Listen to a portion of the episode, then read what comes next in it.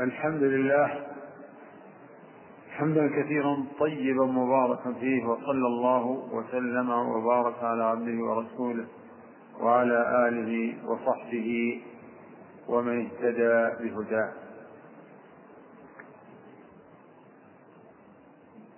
نسأله سبحانه وتعالى أن يمنحنا التوفيق في القول والعمل. وأن يهدينا صراطه المستقيم إنه تعالى على كل شيء قدير.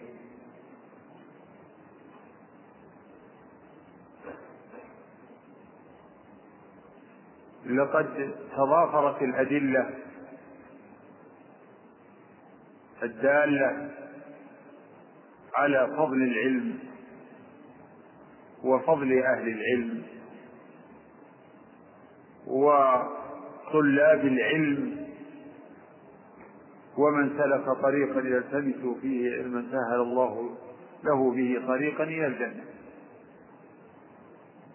والأدلة من الكتاب والسنة في ذلك كثيرة معلومة منها قوله سبحانه وتعالى هل يستوي الذين يعلمون والذين لا يعلمون؟ وقال سبحانه إنما يخشى الله من عباده العلماء.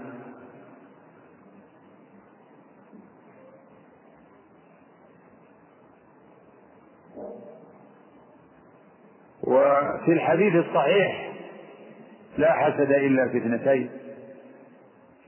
رجل آتاه الله القرآن فهو يقوم به آناء الليل وآناء النهار. في لفظ آتاه الله الحكمة فهو يقضي بها ويعلمه. والحكمة هي العلم. والعلم الذي له هذا الشأن العظيم هو العلم الموروث عن محمد صلى الله عليه وسلم. ميراث محمد هو هو العلم الصحيح وهو العلم النافع.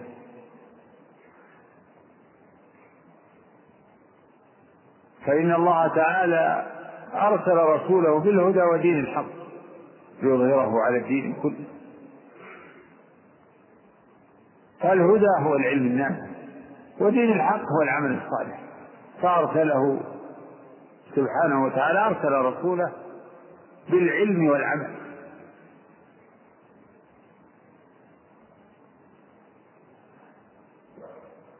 وأما سائر العلوم ففضلها بحسب نفعها وبحسب إعانتها وإعانتها على العلم الشرعي وجريانها على موجب العلم الشرعي.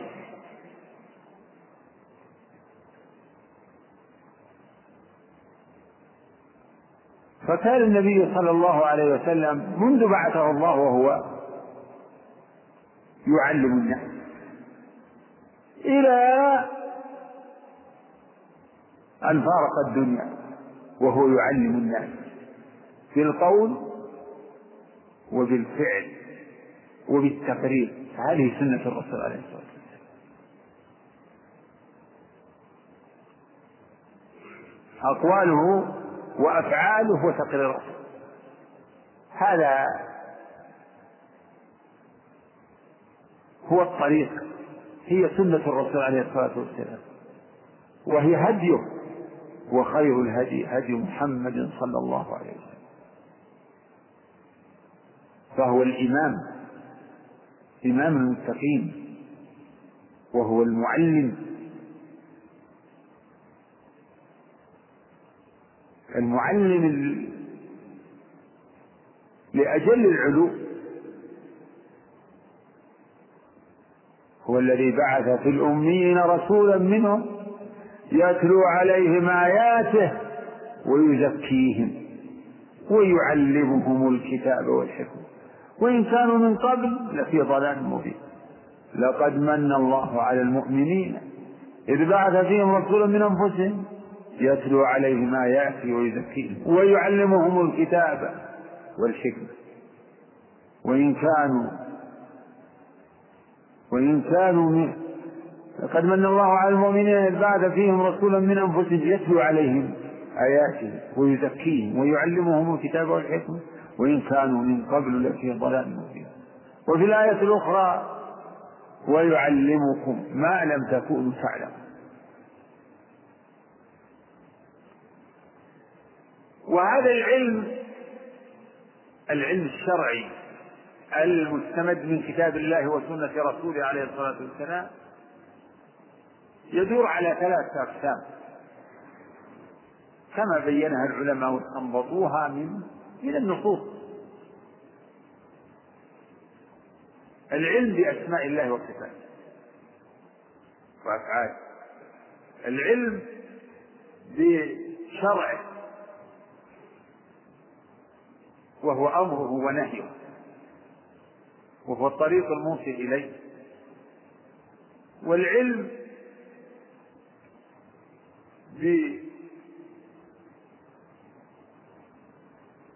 بالدار الآخرة وعاقبة العاملين وجزاء العاملين. فهذه أصول العلم الشرعي أو أقسام العلم الشرعي كما يقول ابن القيم رحمه الله في الشافية الكافية النونية والعلم أقسام ثلاث ما لها من رابع والحق ذو تبيان. علم بأوصاف الإله وفعله وكذلك الأسماء للرحمن. والأمر والنهي الذي هو دينه وجزاؤه يوم المعاد الثاني.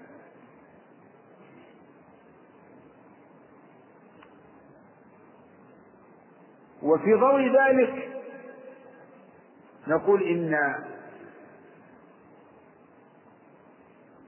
العلم الشرعي ينقسم إلى قسمين علم والتقسيمات هذه أشياء اعتبارية. يمكن باعتبار تكثر الأقسام.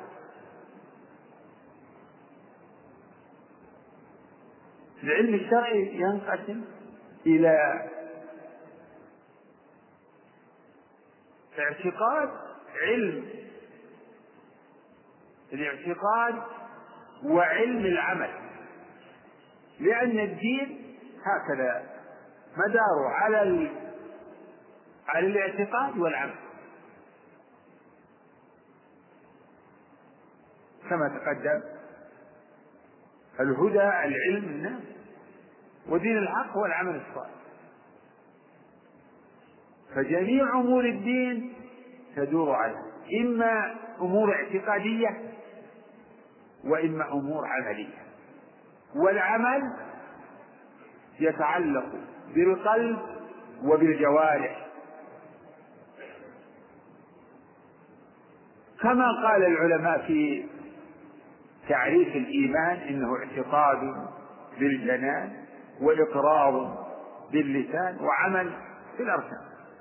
قال بعضهم الإيمان قول وعمل. قول القلب واللسان. يعني اعتقاد القلب وإقرار اللسان.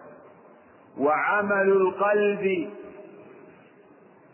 واللسان والجوارح. أو عمل القلب والجوارح ومنها اللسان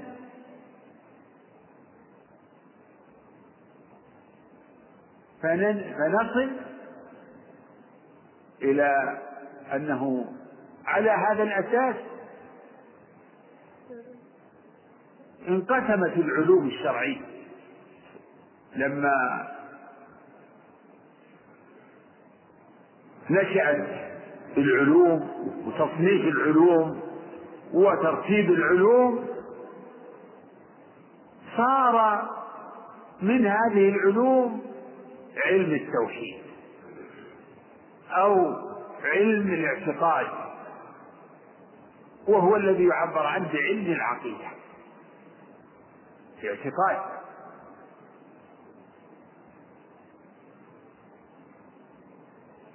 والمراد الاعتقاد الاعتقاد الحق فإن المراد بالاعتقاد يعني عقد القلب على الشيء بالتصديق به والإيقان فما يصدق به الإنسان ويوقن به فهو يعتقد. فإن كان مطابقا للواقع فهو الحق. وإن كان مخالفا للواقع فهو, فهو اعتقاد باطل.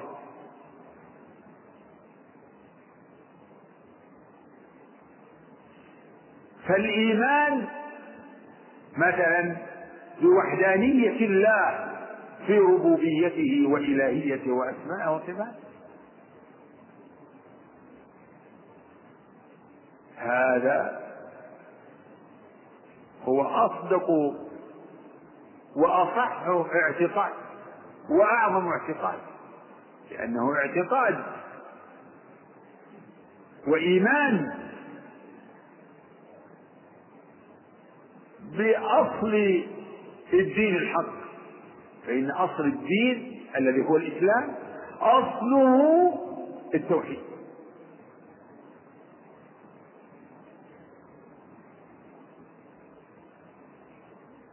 واعتقاد شريك لله في الإلهية أو في الربوبية هذا من الاعتقاد الباطل اعتقاد الكفار. كما يعتقد مثلا النصارى بنوة المسيح. وقالت النصارى ابن الله يعتقدون التثليث أن الإله ثلاثة. اعتقادات باطلة.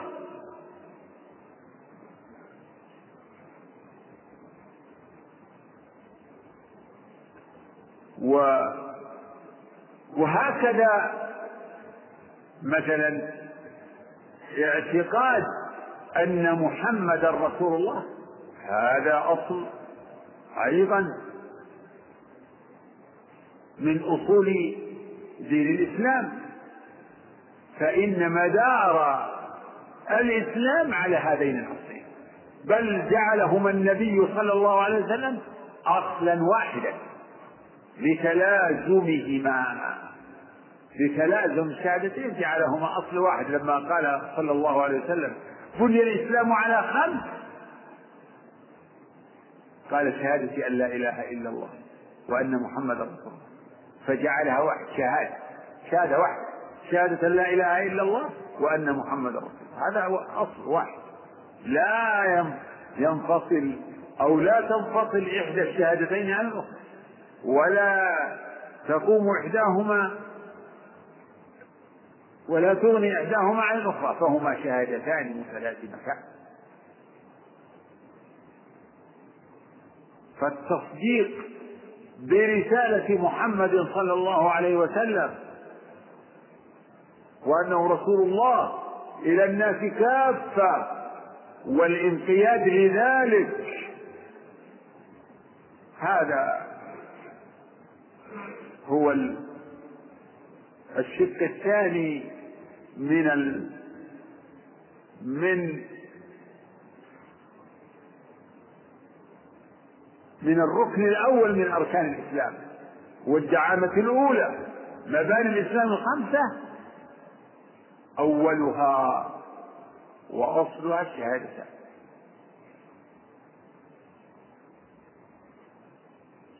هذا اعتقاد. حق.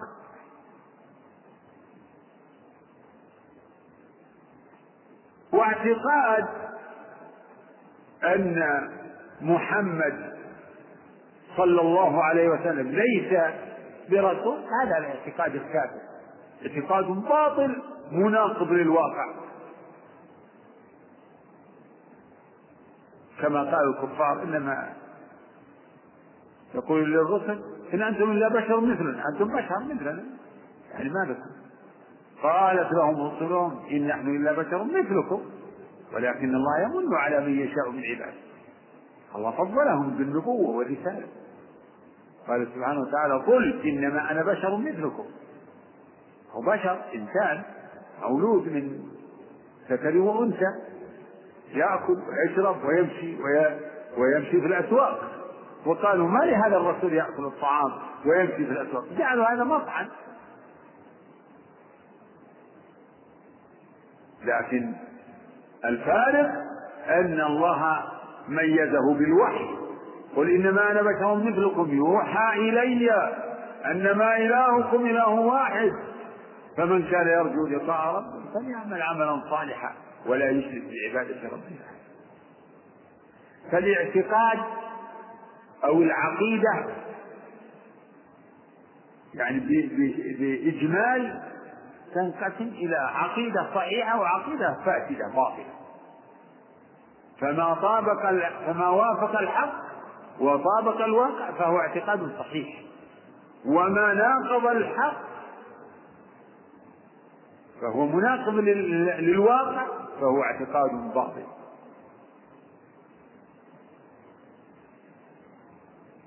وكل ما أخبر الله به ورسوله فالإيمان به هو الاعتقاد الصحيح. إثباتا ونفيا. فما أخبر الله بثبوته؟ وجب اعتقاد ثبوته وما أخبر الله ورسوله بنفيه؟ وجب اعتقاد نفيه. وانظروا إلى أصل يعني أصل الدين الذي هو التوحيد يقوم على النفي والإثبات. على إيمان وكفر. التوحيد يقوم على إيمان وكفر.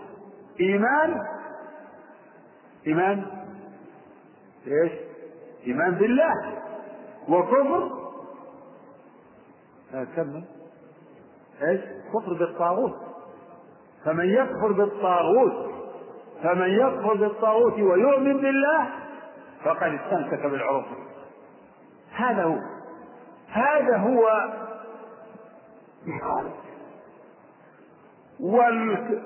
والكفار على النقيض.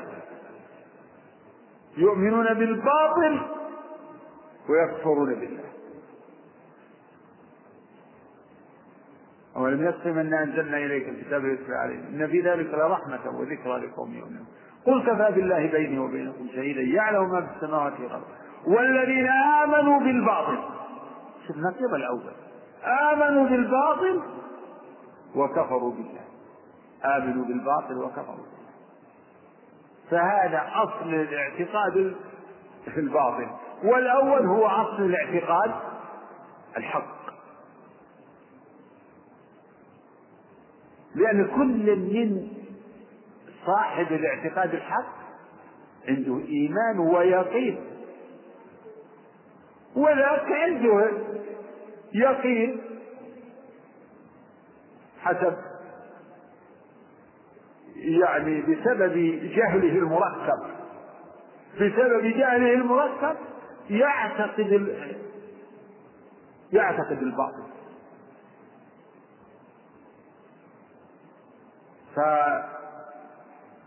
فيؤمن بالباطل ويكفر بالله. ثم إن العقيدة والذي يهمنا في مثل هذا المقام يعني يمكن أن العقيدة الصحيحة الإسلامية التي دل عليها كتاب الله وسنة رسوله عليه الصلاة والسلام. العقيدة أو الاعتقاد. ثم إن هذا الاسم الاعتقاد يطلق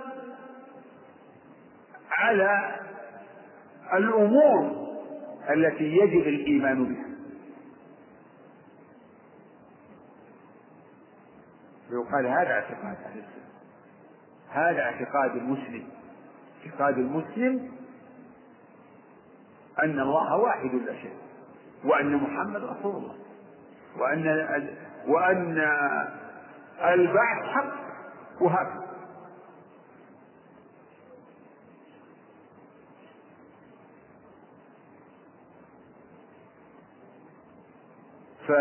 أصل الاعتقاد الحق والتوحيد. ولكن العقيدة أو الاعتقاد أوسع من التوحيد. يشمل أمورا. يوضح لنا ذلك. يوضحه جواب النبي صلى الله عليه وسلم لجبريل. قال أخبرني عن الإيمان قال تؤمن بالله وملائكته وكتبه ورسله واليوم الآخر وتؤمن بالقدر خيره وشره. هذه هي أصول الإيمان وهي أركان الإيمان وهي في نفس الوقت نستطيع أن نعبر عنها بأنها أصول الاعتقاد. هذه أصول الاعتقاد. يعني عليها مدار الاعتقاد الصحيح. هذه عليها مدار الاعتقاد.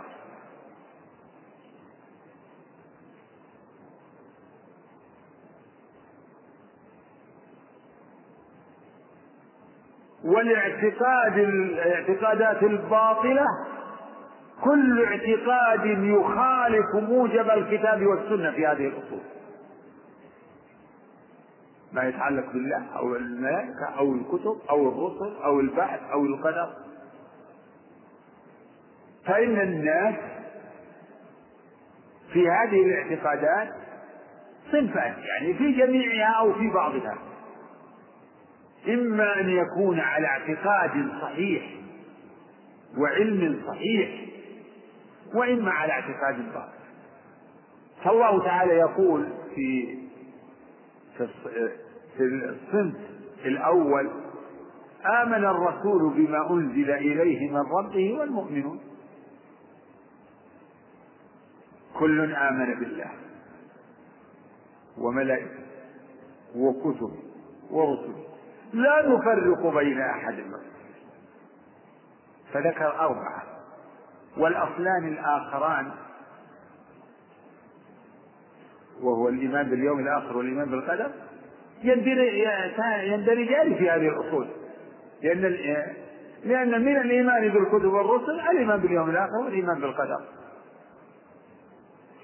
وقال سبحانه وتعالى ليس البر أن تولوا وجوهكم قبل المشرق والمغرب ولكن البر من آمن بالله واليوم الآخر والملائكة والكتاب والنبي. وقال سبحانه وتعالى في فريق الكافرين الذين كفروا بهذه الأصول ومن يكفر بالله وملائكته وكتبه ورسله واليوم الآخر فقد ضل ضلالا بعيدا. هذه أصول أصول الاعتقاد. فمن آمن بهذه الأصول على موجب الكتاب والسنة. كما دل على ذلك القرآن ودلت على ذلك السنة. لا بد أن يكون الاعتقاد موافقا لما أخبر الله به ورسوله. فما وافق ذلك فهو الاعتقاد الحق.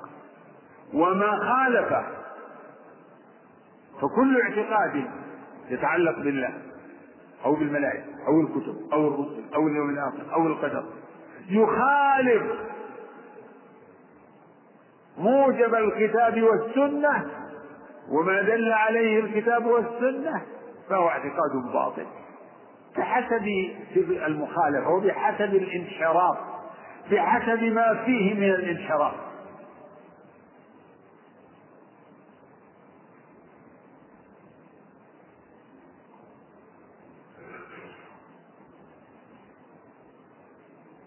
وأعظم الناس كفرا وانحرافا عن هذه الأصول المكذبون للرسول صلى الله عليه وسلم. اليهود والنصارى وسائر المشركين الوثنيين هؤلاء هم المخالفون. وإن كان عندهم شيء من إيمان فلا فلا وزن له في في ميزان الله لأن من كذب رسولا كان من كذب رسولا واحدا. كان بمنزلة المكذب لجميع الرسل.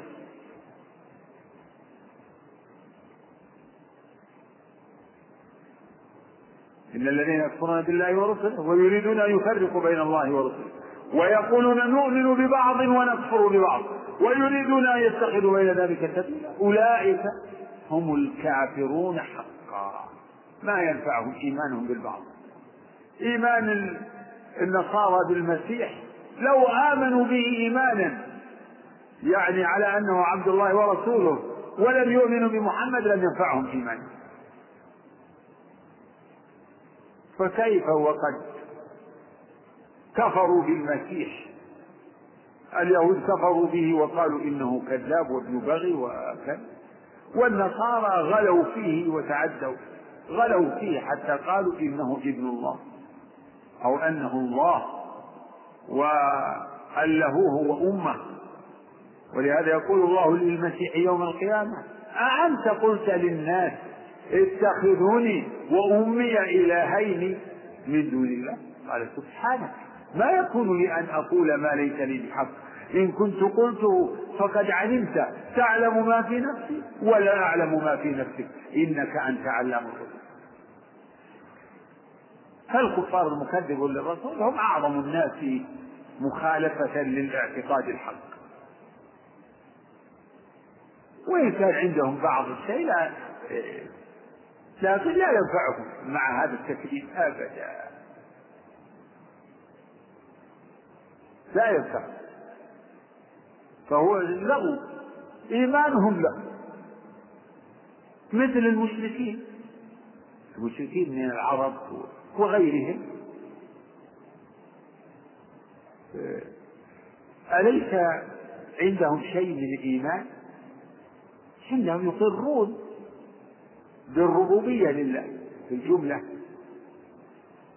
لكن لما لما أشركوا في العبادة واعتقدوا إلهية غير الله ثم ردوا دعوة الرسول عليه الصلاة والسلام و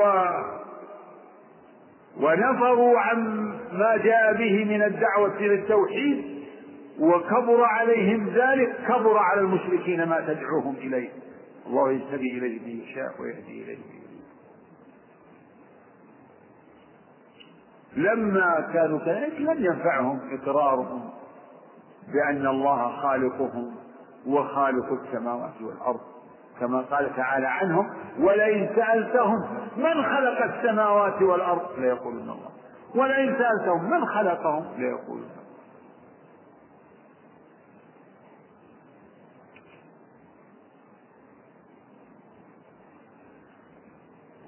إذا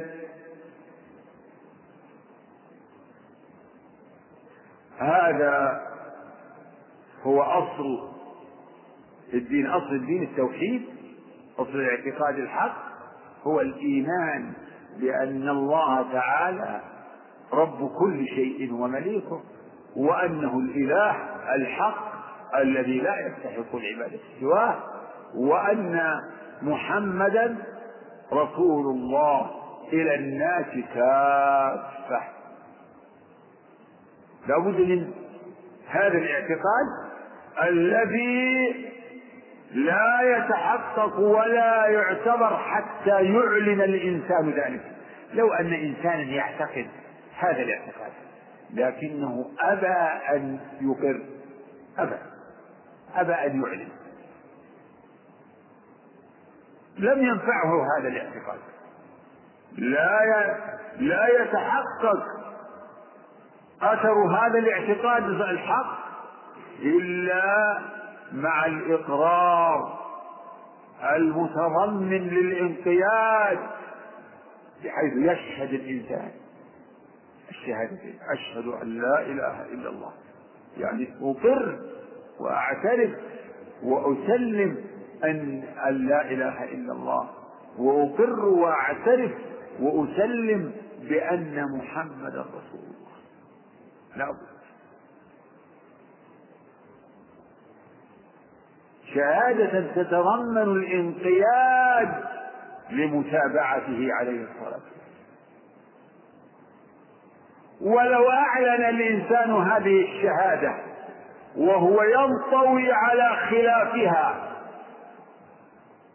بحيث يعتقد خلاف ما يظهر أو يظهر الانقياد وهو في الباطن بخلاف ذلك لم يكن لم ينفعه هذا الإقرار. فإن الناس بالنسبة للإيمان يعني التقسيم العام أنهم ثلاثة. ثلاثة. مؤمن ظاهرا وباطنا. مؤمن يعتقد التوحيد ويقر بالرسالة ظاهرا وباطنا. هذا هو المؤمن. ومؤمن ظاهرا. هذا هو المنافق. ومن الناس من يقول آمنا بالله. يقول آمنا بالله وباليوم الآخر. لكن بلسان ومن الناس من يقول آمنا بالله وباليوم الآخر. وما هم بمؤمنين. يخادعون الله والذين آمنوا. وما يخدعون إلا أنفسهم وما يشعرون. والصنف الثالث الكافر ظاهرا وباطنا. الذي يعني ما هو معلن لكفره. معلن للشرك. معلن لتأليه غير الله. معلن لتكذيب الرسول عليه الصلاة والسلام. فهذا كافر ظاهر هاي وهذا التقسيم قد نبه الله إليه في مواضع من القرآن كما في مطلع سورة البقرة كما في آيات كثيرة ليعذب الله المنافقين والمنافقات. والمشركين والمشركات.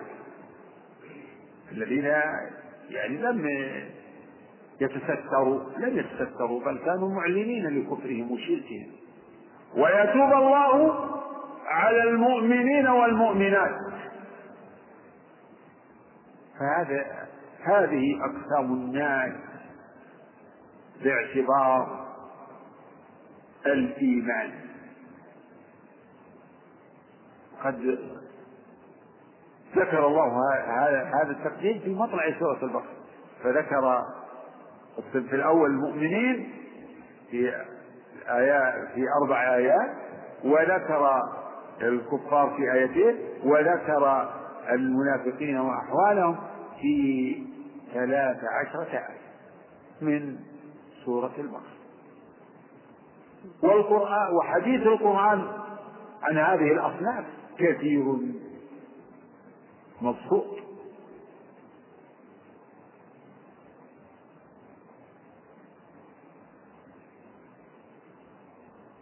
لكن المنافقون في الظاهر مع الناس مع المؤمنين. يعني يعيشون مع المؤمنين ويوارثون المؤمنين. أحكامهم في الدنيا تجري عليهم أحكام الدنيا الظاهرة أما في الآخرة أعوذ بالله. هم في الدنيا مع من؟ مع المؤمنين. الذين يتربصون بكم فإن كان لكم فتح من الله. قالوا ألم نكن معكم؟ ألم نكن معكم؟ إن كان للكافر نصيب. قالوا ألم نستحوذ عليكم ونمنعكم من المؤمنين؟ فقلوبهم مع الكفار وسرهم مع الكفار. وإذا لقوا الذين آمنوا قالوا آمنا. وإذا خلوا إلى شياطينهم قالوا إن معكم إنما نحن مستهزئون. فهم يعيشون مع المؤمنين ويوارثون المؤمنين ويناصحون المؤمنين. لأن النفاق أمر خفي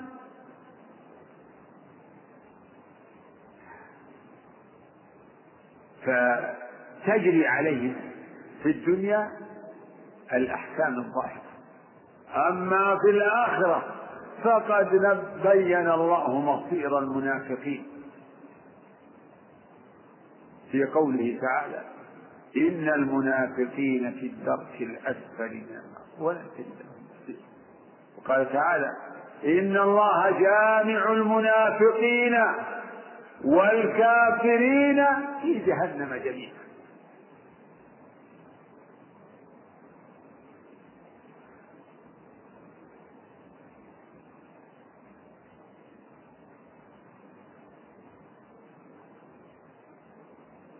بعد ذلك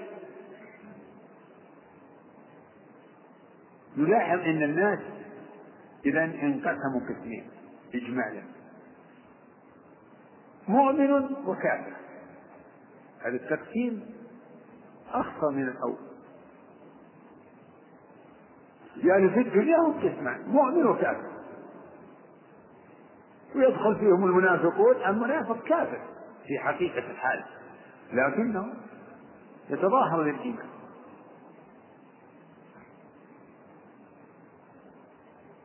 وفي الآخرة يصير المنافقون مع مع أوليائهم مع أوليائهم. يجمعهم الله به. إن الله جامع المنافقين والكافرين في جهنم جميعا.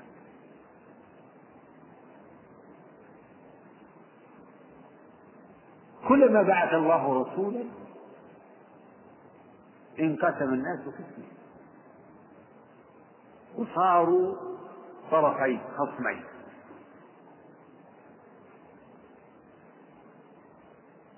مؤمن وكافر موحد ومشرك. مطيع متبع ومعرض مكذب. ولقد أرسلنا إلى ثمود اخاهم صالحا. أن اعبدوا الله فإذا هم فريقان. هكذا نبينا صلى الله عليه وسلم لما بعثه الله انقسم الناس في قسم. في بداية الأمر كانوا أبدا قسمين لأنه ما كان هناك مجال للنفاق. مؤمن صادق كانوا في مكة هكذا. وكافر صريح. ليس عنده يعني مواربة ولا مراوغة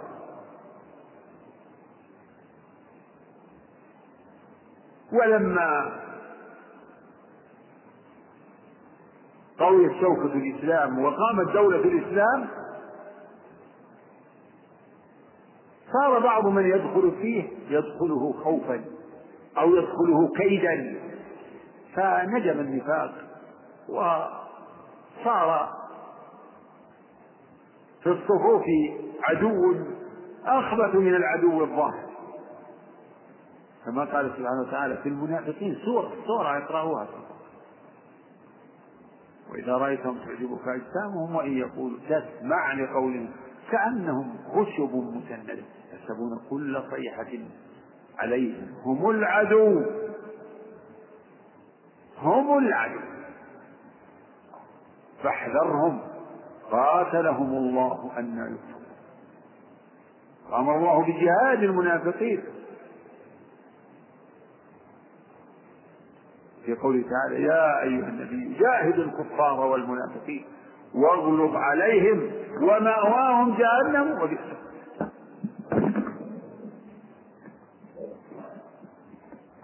وقد سعد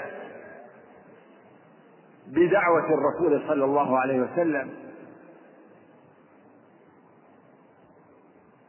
سعد بدعوته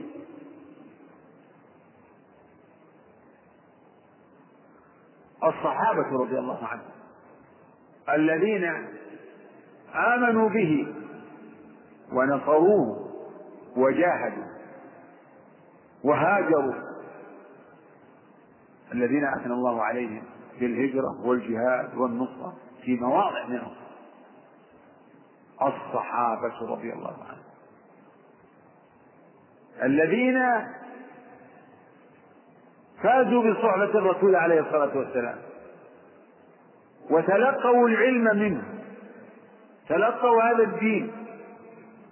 و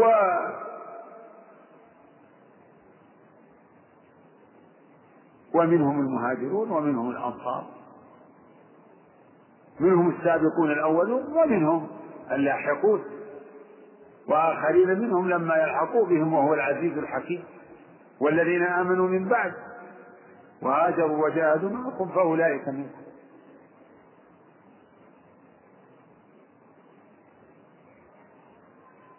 فكان فكانت هذه الأمة في حياة في عهد النبي صلى الله عليه وسلم كانت جماعة واحدة على دين الإسلام كما جاء به الرسول صلى الله عليه وسلم. لا تغيير ولا تغيير. كانوا في حياة الرسول وفي حياة أبي بكر وفي حياة عمر وهكذا في خلافة عثمان في الجملة. كانوا على دين الإسلام الذي جاء به الرسول صلى الله عليه وسلم. وكانت يعني العقيدة عقيدة أولئك عقيدة الصحابة قائمة على هذه الأصول. الأصول الستة كما دل عليها القرآن ودلت عليها السنة سنة الرسول عليه الصلاة والسلام. وهذه الأصول تحتاج إلى يعني الكلام فيها يحتاج إلى بسط وإلى شرح فالإيمان بها إجمالا هذا فرض عين. الستة الإيمان بها إجمالا هذا فرض عين. على كل مسلم ومسلم. ومعرفتها على التفصيل فرض كفاية. ثم من علم شيئا من علم التفصيل وجب عليه الإيمان به. ثم بعد في آخر أو في ثنايا القرن الأول في آخر الخلافة الراشدة في خلافة علي رضي الله عنه بدأت طلائع الافتراق والابتداع والانحراف في الاعتقاد في صفوف الأمة الإسلامية في صفوف الأمة الإسلامية. وهذا قد أخبر به عليه الصلاة والسلام. أخبر خبرا عاما عن أن هذه الأمة ستفترق كما افترقت الأمم قبلها. وقد حذر الله أخبر الله عن افتراق الأمم وحذر من مشابهة في الافتراق. وما تفرق الذين أوتوا الكتاب إلا من بعد ما جاءتهم البينة. إن الدين عند الله الإسلام وما اختلف الذين أوتوا الكتاب إلا من بعد ما جاءهم العلم بغيا بينهم. ومن يكفر بآيات الله فإن الله سريع الحساب.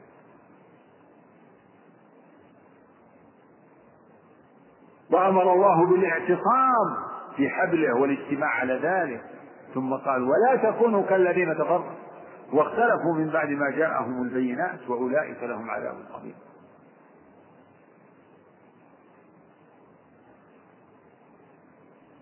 فالآيات في هذه كثيرة.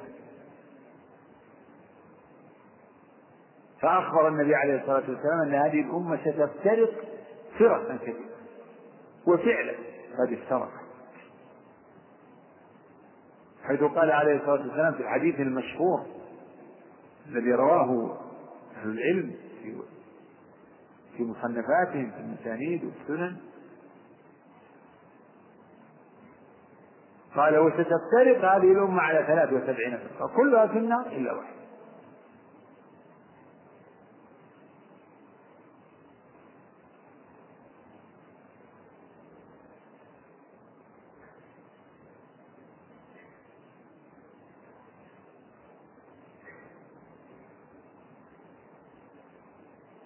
وأخبر الرسول عليه الصلاة والسلام عن طلائع هذه هذا الافتراق بحيث أخبر صلى الله عليه وسلم عن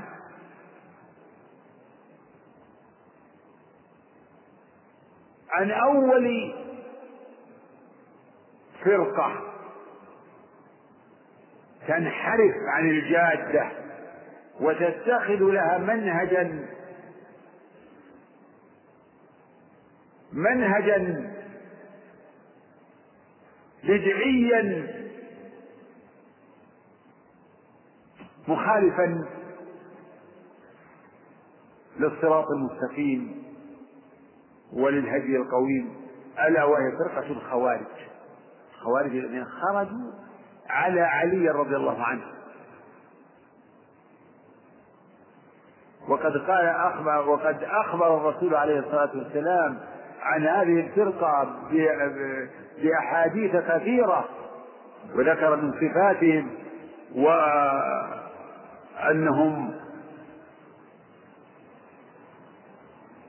يمرقون من الدين كما يمرق السهم من الرمية وقال صلى الله عليه وسلم تمرق مارقة من الدين على حين فرقة. على حين فرقة. من المسلمين.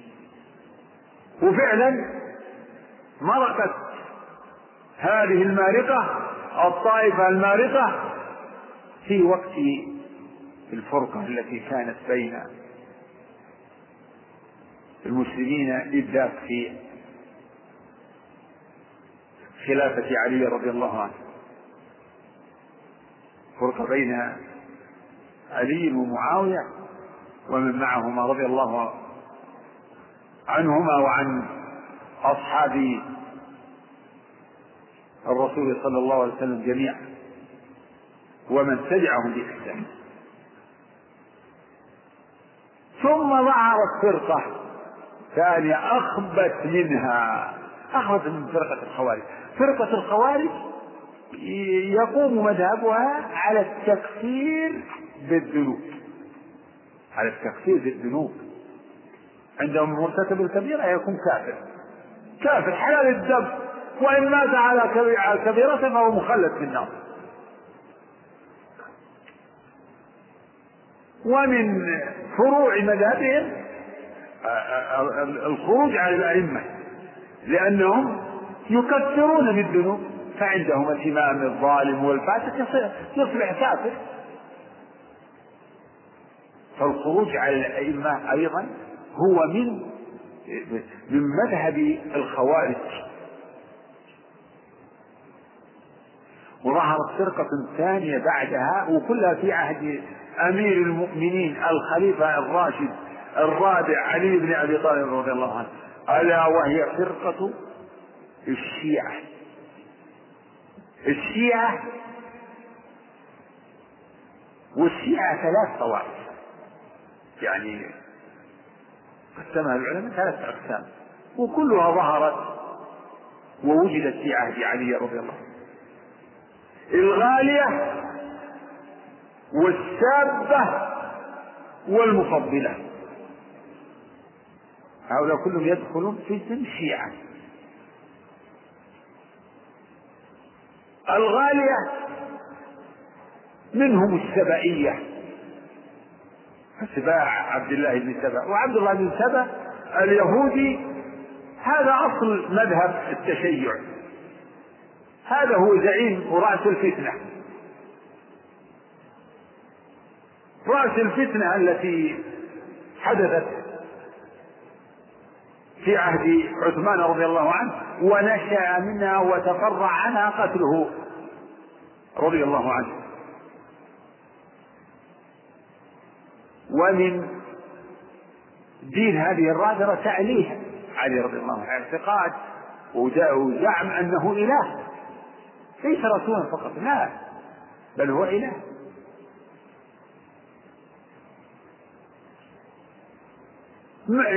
يقول ذلك مع ادعائهم للإسلام يدعون الإسلام ويقولون نشهد أن لا إله إلا الله وأن محمد رسول الله ومع ذلك يعني بلغ بهم الأمر جهلا و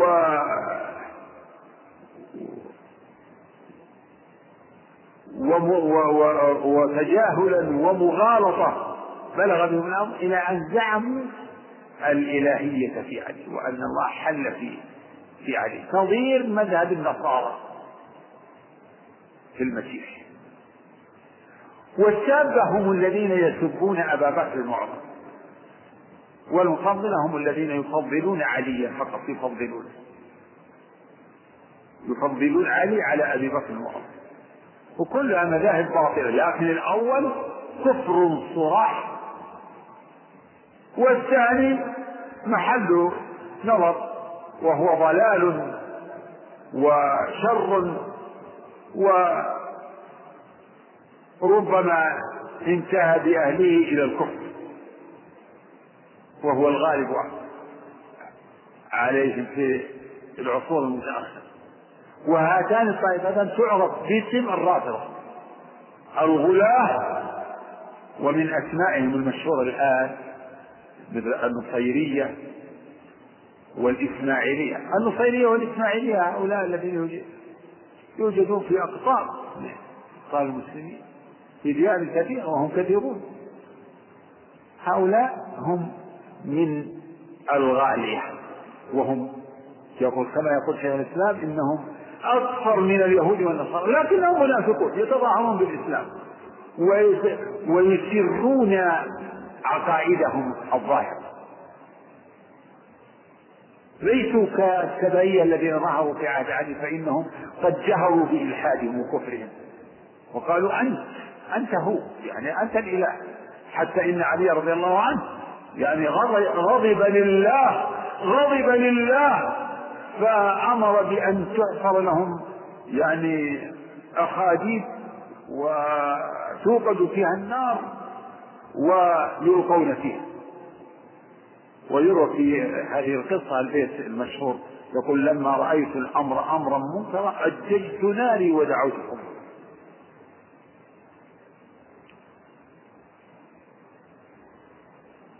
تعرف هذه بالرافضة وكذلك السابة والإمامية. يعرفون بالإمامية لأنه عندهم أن الإمام الذي أوصى النبي صلى الله عليه وسلم بأنه الخليفة من هو علي رضي الله وعلى هذا الرافضة الموجود في أكثر البلاد مثل رافضة الأحساء والقطيف وفي المملكة كثير لا كثرهم الله. نسأل الله أن يذلهم وأن يكسر شوكتهم بعز السنة وأهلها و ولهم وجود ولهم آه، ظهور ولهم آه، دولة آه، إيران الرافضية. وهم بين يعني في جملتهم حالهم إما غلاة وهذا هو يعني الغالب على يعني علمائهم ومحققيهم. وعامتهم قد دخل فيهم دخلت فيهم الوثنية فهم عباد القبور. يحجون للأضرحة ويدعون ويستغيثون بعلي رضي الله عنه. هذه حال عامتهم وخاصتهم ولهذا آه، يعني حكمهم العام هو إنهم كفار لكنهم يستكبرون وينافقون لأن أصولهم كفرية. الذين يدعون غير الله ويستغيثون به ويطلبون منه المدد في الشدائد فضلا عن الرخاء ويسبون أبا بكر وعمر ويرمونهما بالنفاق والكفر ويبغضون جمهور الصحابة. هؤلاء كفار لكن من أصولهم التقية وهي النفاق وعدم إظهار ما يبطنون. المقصود أنه ظهرت هذه الطائفة الخبيثة. هذا السرطان بدأ في في وقت مبكر. ولكن الله حافظ دينه. فهاتان طائفتان والطائفة الثالثة والرابعة طائفة المرجئة وطائفة القدرية. وطائفة القدرية ظهرت أيضا في عهد الصحابة في النصف الثاني. وطائفة المرجئة ظهرت بعد ذلك ثم ظهرت الجهمية المعطلة. وهذه أصول الفراق التي أخبر بها الرسول صلى الله عليه وسلم. أربعة أو خمسة. بعض أهل العلم يجعل أصول الفرق أربعة. المرجئة يعني الخوارج الشيعة القدرية المرجئة وبعضهم يضيف إليهم الجهمية. فهذه أصول الفرق فرق هذه الأمة. فهذه الفرق انتحلت عقائد وإن كانت كلها تنتمي للإسلام وتعلن الشهادتين لكنها انتحلت عقائد تخالف موجب الكتاب والسنة. وبعضها شر من بعض. ونفس كل فرقة هي تنقسم فالفرق السنتين والسبعين كلها مندرجة في هذه الأصول. سنتين والسبعين كلها مندرجة في هذه الأصول. ويخالفها جميعا أهل السنة والجماعة. أهل السنة والجماعة هم الذين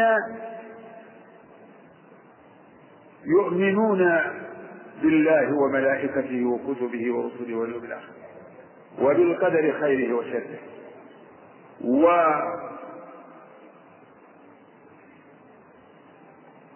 و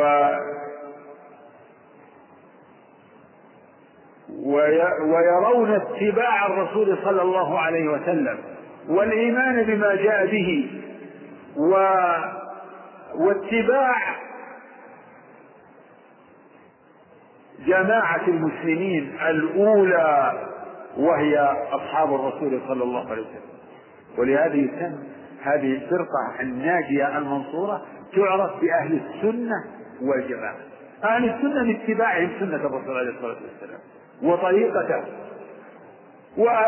وسموا أهل الجماعة لاتباعهم جماعة المسلمين. و والتزامهم بما عليه بما أجمع عليه المسلمون وأجمع عليه أهل العلم من الصحابة والتابعين لهم بإحسان. فهم أهل السنة وهم أهل الجماعة. والصحابة رضي الله عنهم والتابعون لهم بإحسان في القرون الأولى هم سلف هذه الأمة. فإذا قلنا السلف مطلقا المراد بالسلف هم الرعيل الأول الذين آمنوا بالله ورسوله واتبعوا ما جاء به عليه الصلاة والسلام. وحملوا هذا الدين وبلغوه. هم سلف هذه الأمة هم السلف. لأنهم هم طليعة الفرقة الناجية وهم سلفها المتقدمون. لأن السلف أصل في اللغة آه، سلف كل قوم آه، من يتقدمهم في الزمان أو المكان. فالركب إذا تقدمهم آه، فرط لهم فهو سلفهم. والأمة إذا جيلها الأول هو سلفها وكل جيل متقدم هو سلف لمن بعده. ولعباد الله الصالحين يعني لأولياء الله سلف ولأعدائه سلف.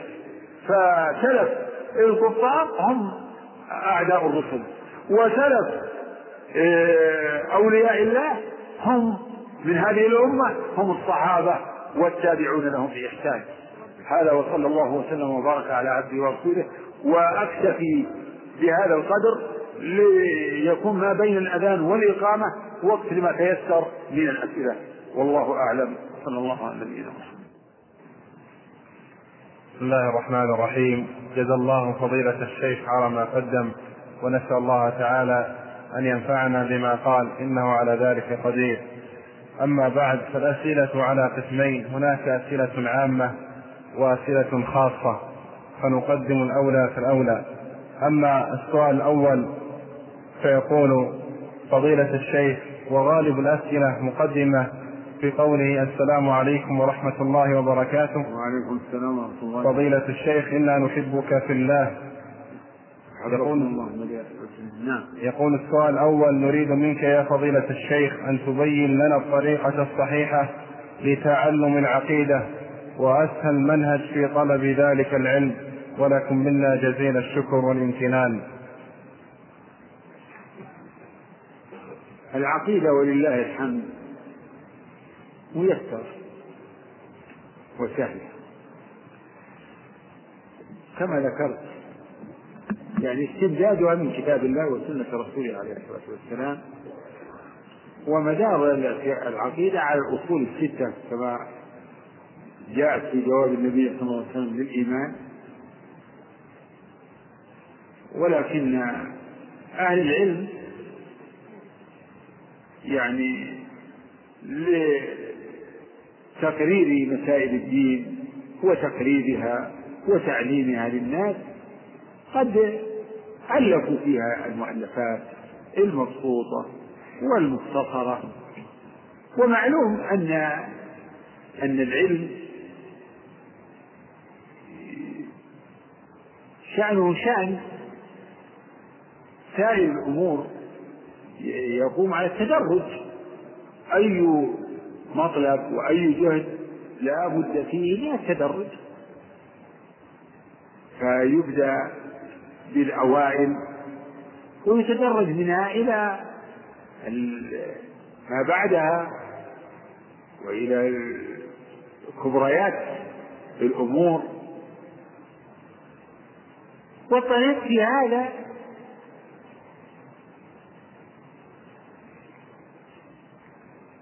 هو بحفظ المتون المؤلفة في العقيدة. المتون المختصرة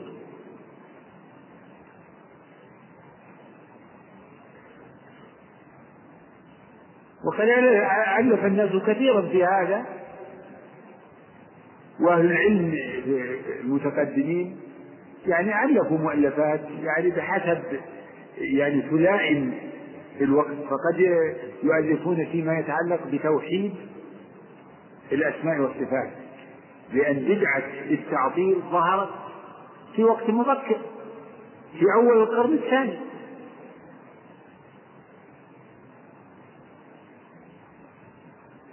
وبدعة القدر ظهرت قبل ذلك كما تقدم.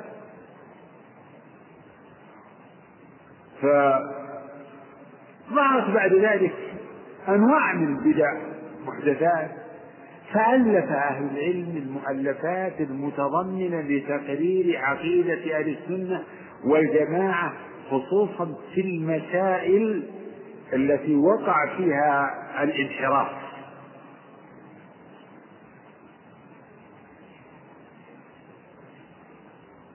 فعندي إن من خير ما يقرأه المبتدئ الأصول الثلاثة. أو ثلاثة الأصول للشيخ محمد بن عبد الوهاب. الكتاب المعروف الذي يدرس آه، اختصاره أو مختصره في الابتدائي وهو لا يحتاج إلى اختصار. هذا الكتاب مداره على الأصول الثلاثة. معرفة الله ومعرفة نبيه ومعرفة دينه. الأصل الأول يتعلق بشهادة شهادة لا إله إلا الله. الأصل الثاني يتعلق بشهادة أن محمد رسول الله. الأصل الثالث يتعلق بالرسالة التي جاء بها الرسول صلى الله عليه وسلم من عند الله. رسول ومرسل ورسالة. وهذه الأصول الثلاثة هي التي يسأل عنها الإنسان في قبره. من ربك؟ وما دينك وما الذي ثلاثة أصول والشيخ قد يعني بينها بيانا قريبا نافعا. لا ينبغي لطالب العلم أن يتجاهله وأن يغفل عنه. ثم كتاب التوحيد الذي هو حق الله على العبيد المعروف بأبوابه وهو كتاب عظيم قد ثم العقيدة الواسطية. عندي أن هذه الكتب الثلاثة إذا طالب العلم يعني أتقنها حفظها وهي وفهمها ميسر. فإنه يكون عنده أصل عظيم وعلم جم في باب الاعتقاد. ثم بعد ذلك يقرأ النصوص الآيات يقرأ التفسير لأن علم العقيدة في النصوص متفرق. يعني تقرأ الآية الواحدة فيها ما يت... شيء مما يتعلق بالإيمان بالله من ما يتعلق بالإيمان باليوم الآخر من ما يتعلق بالقدر من ما يتعلق بالرسالة. فأنت تقرأ القرآن وت... وتجد تقرير هذه الأصول والتبشير بها الفاتحة. ولا, ولا يسع المقام أن أن نسترسل في هذا. فأنا أقول إن هذه الكتب ينبغي لطالب العلم أن يحفظها ويستعين بما تيسر من شروحها القريبة ثم يتدرج فعقل الإنسان ينمو شيئا فشيئا وهكذا تحصيله العلمي ينبغي أن يتدرج فيه. وقدم الأهم إن العلم جم أما التوسع في هذا فهذا ليس له حد. لا يزال الإنسان يزداد علما كلما يعني تدبر النصوص وقرأ يعني الآيات وتدبر الأحاديث فإنه لا يزال يزداد علما بالله وبكتابه وب وبدينه وبما أخبر به سبحانه وتعالى. والكتب الموسعة كثيرة الكتب المبسوطة كثيرة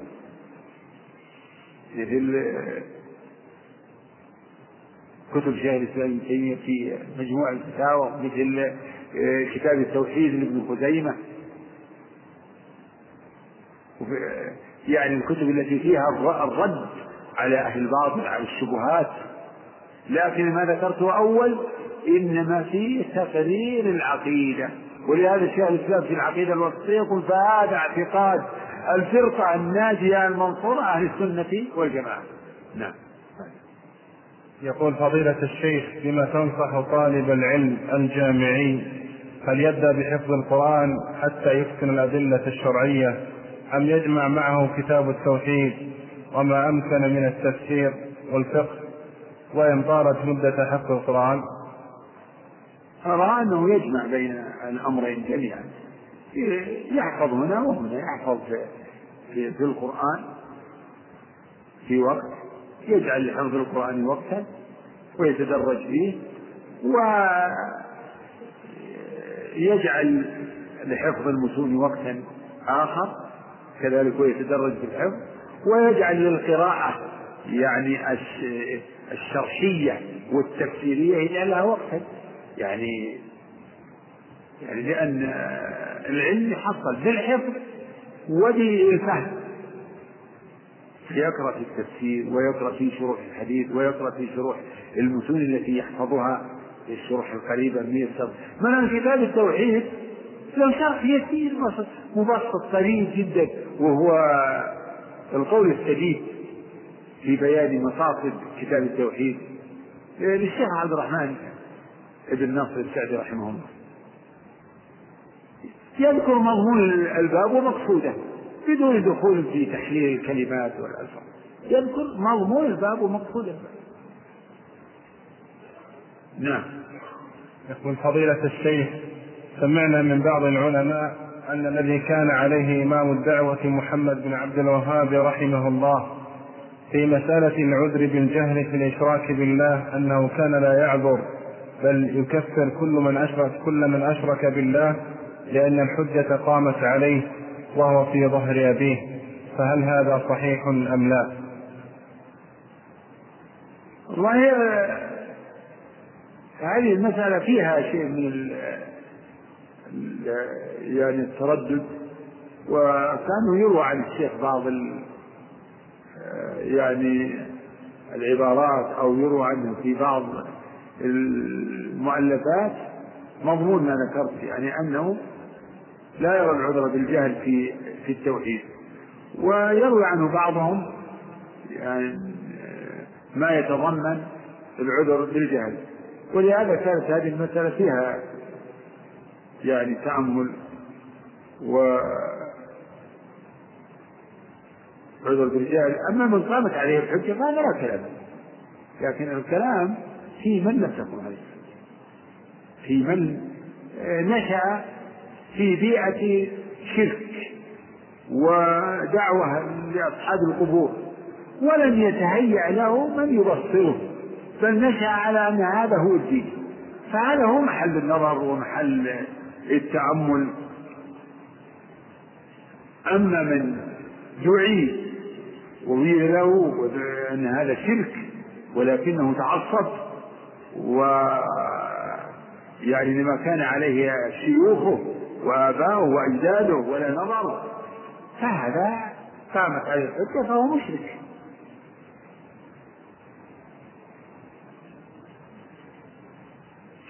و ولم في الحقيقة يعني يحصل عندي لم يتهيأ لي آه، مثلا رصد أقوال الشيخ وجمعها و لكن هذا وهذا قد نسب للشيخ. نسب له هذا وهذا. نعم. يقول هل الطواف حول قبر معين قد يكون شركا أكبر وقد يكون شركا أصغر؟ كيف يكون ذلك؟ من طاف على القبر يتقرب لصاحب القبر فهو مشرك شركا أكبر. ومن طاف على القبر يقصد التقرب إلى الله يظن أن هذا دين وأن هذا عبادة فهو مبتدع ضال واقع في ما يقربه من الشرك الأكبر يقرب لك هذا الصلاة عند القبر. الصلاة لله عند القبر محرمة وصلاة باطلة ووسيلة من وسائل الشرك. أما الصلاة لصاحب القبر تقربا إليه فهذا شرك أكبر. نعم. يقول فضيلة الشيخ إن في مكان إن في مكان دراستي يكثر الرافضة والذين هم دائما مجتمعون ويحاولون الاختلاط معنا فكيف السبيل لمعاملتهم وتجنبهم ودعوتهم للمذهب الصحيح؟ لا الواجب في مثل هذا أن تعاملهم أشبه ما يعني بنحو ما يعامل به المنافق. إن كانوا يتبجحون بمذهبهم و ويظهرون أمورهم واعتقاداتهم الباطلة فيجب يعني منافذتهم والرفع عنهم لكف شرهم. وإن كانوا متسببين فيعاملون مع الحذر. في حدود ما يعني ما يقتضيه واقع الارتباط في عمل أو في دراسة. يعني سؤال أو جواب سالك عن شيء تجيبه تسال عن شيء. هذه معاملات عادية. لكن لا تتخذهم أصدقاء ولا تتبسط معهم ولا تبش في وجوههم ولا تصافحهم. أما السلام ترجو إن كانوا مع غيرهم فلا إشكال أن تسلم معه على المجموعة. وإن لم يكن معهم أحد فإن كانوا من الصنف الأول فلا تسلم عليهم كانوا ممن يتبجحون برفضهم وبدعتهم فلا تسلم عليهم وإن كانوا متسترين ومسالمين فسلم عليهم السلام عليكم وعليكم السلام. بدون انبساط وبدون تبسط. ويكون الحديث في حدود الحاجة التي تقضي بها يقضي بها يعني المقام قام الارتباط العملي كان موظف لابد أن تسأله عن يعني موضوع معاملة يسألك عن عن حاجة في الأمور العاديه كالتعامل في البيع والشراء. كالتعامل معهم في البيع والشراء. نعم. قل فضيلة الشيخ علمنا أن الفرقة الناجية هم أهل السنة والجماعة ولكن ما رأيكم فيما ظهر من نزاع بين الإخوة من طلبة العلم؟ في أيهما الأفضل إطلاق لفظ أهل السنة أو لفظ السلف؟ فما رأيكم في هذا الخلاف اللفظي وأيهما أفضل كما ترون؟ وهل هناك داعي لهذا الخلاف وجزاكم الله خيرا.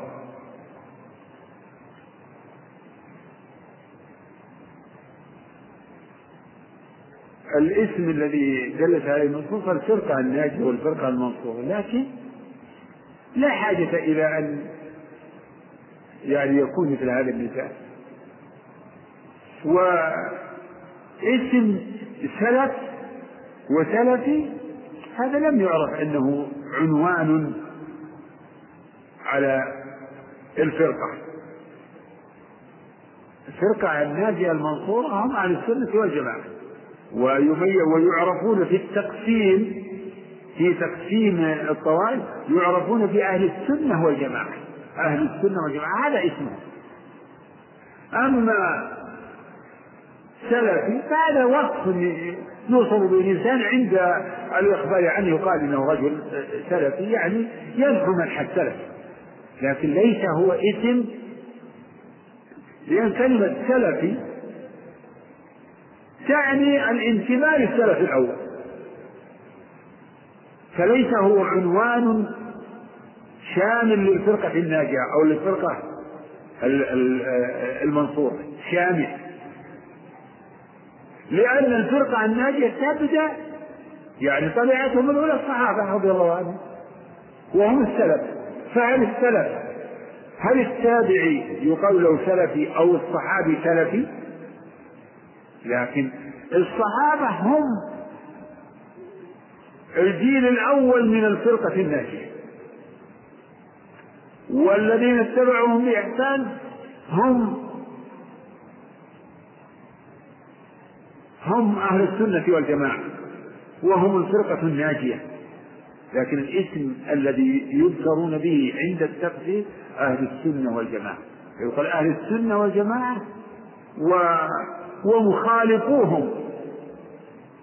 أهل السنة والجماعة فينسبون إلى الأصل الذي يدينون به وهو السنة التزام سنة الرسول عليه الصلاة والسلام وطريق جماعة المسلمين ممثلة في الصحابة رضي الله عنهم. وأما إيجاد طائفة يعني السلفية والسلفية هذا انتماء. وهل وهم يعني ومن لم ينتسب لهؤلاء الجماعة لا يعرف بأنه سلفي؟ كل من التزم طريقة الصحابة والتابعين لهم بإحسان يمكن أن نقول إنه سلف لأنه يترسم خطى السلف الصالح رضي الله عنهم وأرضاهم. نعم. يقول فضيلة الشيخ ما رأيك في عقيدة الأشاعرة وهل يكفرون؟ مثل هذه الأمور يعني الأشاعرة فرقة تنتمي لأبي الحسن الأشعري ولها أصول. لها أصول باطلة. ويسمون أنفسهم بأهل السنة والجماعة لكن هذا في مقابل المعتزله أما في الحقيقة فليسوا من أهل السنة والجماعة على التحقيق. الأشاعرة.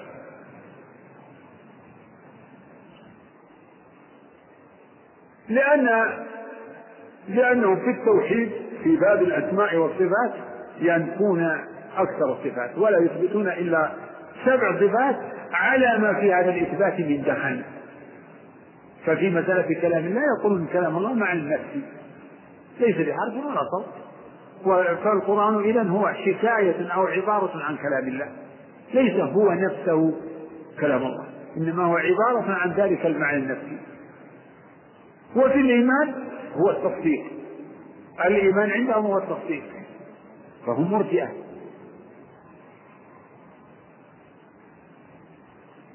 وفي القدر أفعال العباد عندهم إنها ليست أفعال لهم بل هي كسب للعباد. كسب.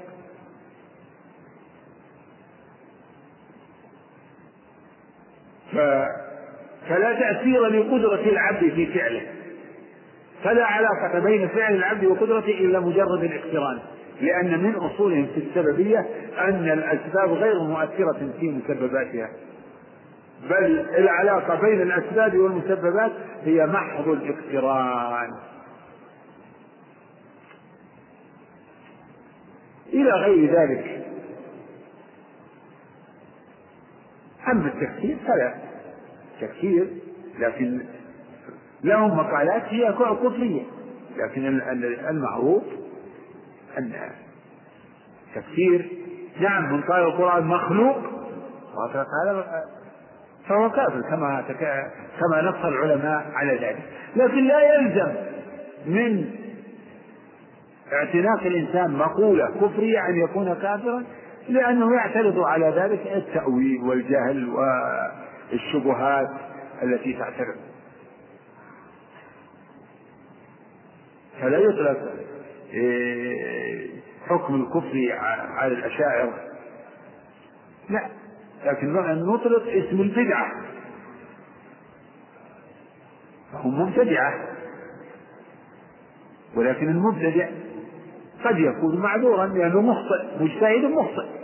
وقد يكون فاسقا وقد يكون كافرا إذا أصر على الباطل بعد قيام الحجة عليه.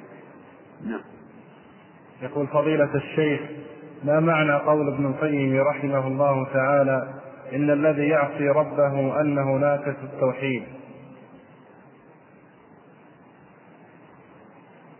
ما أدري هل هذه العبارة ثابتة عن ابن القيم بهذا الحرف؟ تثبتها؟ هات. يعني حدد أن هذا النص لابن القيم. إن الذي يعصي يعصي ربه ناقص التوحيد. تحتاج إلى أن تحقق. لكن آه، ابن القيم آه، يقول يعني له كلام مضمونه إن الإصرار على المعاصي يتضمن الشرك نوع من الشرك الإصرار على المعاصي على الكبائر على كذا لأن لأنه ما كان هذا الإصرار إلا مع نوع إلا لنوع من اتباع الهوى واتباع الهوى نوع من الشرك. قد يصل إلى الشرك الأكبر وقد يكون من نوع الشرك الأصغر. و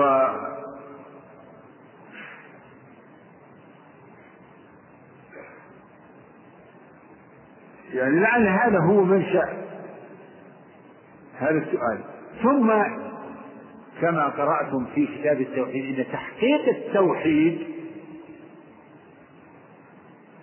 تحقيق التوحيد من يعرف؟ يعني الضابط لتحقيق التوحيد. تحقيق التوحيد. لأئمة الدعوة عبارة. يعني تبين معنى تحقيق التوحيد. لأن يعني شيخ الإسلام محمد بن عبد الوهاب عقد ذات باب من حقق التوحيد دخل الجنة بغير حساب. إذا ما تحقيق التوحيد؟ تخليصه وتصفيته من شوائب الشرك والبدع والمعاصي. تخليط من شوائب الشرك والبدع والمعاصي.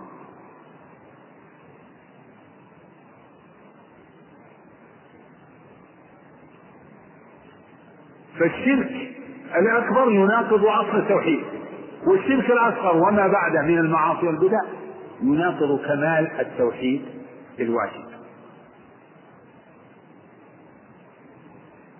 خصوصا فيما يعني فيما لم يعذر به الإنسان لكن لو وقع الإنسان فيه خطأ ما يلزم منها أن يكون هذا نقصا في توحيده. لأن الخطأ مغفور لا جناح عليكم فيما أخطأتم به.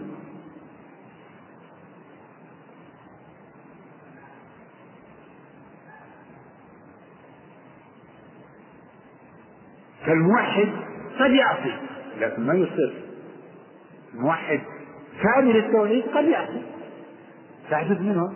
إن الذين اتقوا إذا مسهم طائف من الشيطان تذكروا فإذا هم قد يعصي لكنه وإذا قال الله تعالى وإذا فعلوا فاحشة أو ظلموا أنفسهم ذكروا الله فاستغفروا لذنوبهم. مثل هذه المعصية التي يعقبها الإبصار والإنابة والاستغفار هذه هذه لا لا لا تنقص التوحيد. بل ربما كانت حال العبد بعد التوبة أحسن حال يعني أحسن منه قبل أن يقع في الذنب لأنه أحدث له هذا الذنب إنابة وندم وإقلاع وبصر وبصيرة. وإذا فعلوا فاحشة أو ظلموا أنفسهم ذكروا الله فاستغفروا لذنوبهم. ومن يغفر الذنوب إلا الله ولم يصروا ولم يصروا على ما فعلوا وهم يعلمون. نعم. شوف الاقتصاد نعم. هذا. هذا. انظروا هذا يعني هذا السؤال الأخير. يقول فضيلة الشيخ هل يصح التشكيك في عقيدة شخص معين؟ وبخاصة إذا كان من طلاب العلم المشهورين لمجرد الظن؟ يا أيها الذين آمنوا اجتنبوا كثيرا من الظن إن بعض الظن لا يجوز التشكيك في من ظاهره الخير وظاهره سلامة العقيدة. بمجرد الظن والاحتمال. هذا يعني طريق من من طرق الشيطان لإحداث الفرقة بين المسلمين ولإساءة الظن في المسلمين. أما من ظهر منه ما يبرر هذا الظن فالعمل بالقرائن الظاهرة وبالدلائل البينة هذا لا مدفع له. أما مجرد الظن فلا يجوز الاعتماد التعويل عليه في مثل في مثل هذا لأن بواطن العباد موكولة إلى الله. سرائر العباد إلى الله. فمن أظهر الخير وعرف من الخير في علمه وفي عمله وفي آه، كلامه فيجب إحسان الظن به هكذا. هذا ونسأل الله سبحانه وتعالى أن يهدينا سواء السبيل وأن يرزقنا وإياكم العلم النافع والعمل الصالح. صلى الله وسلم وبارك على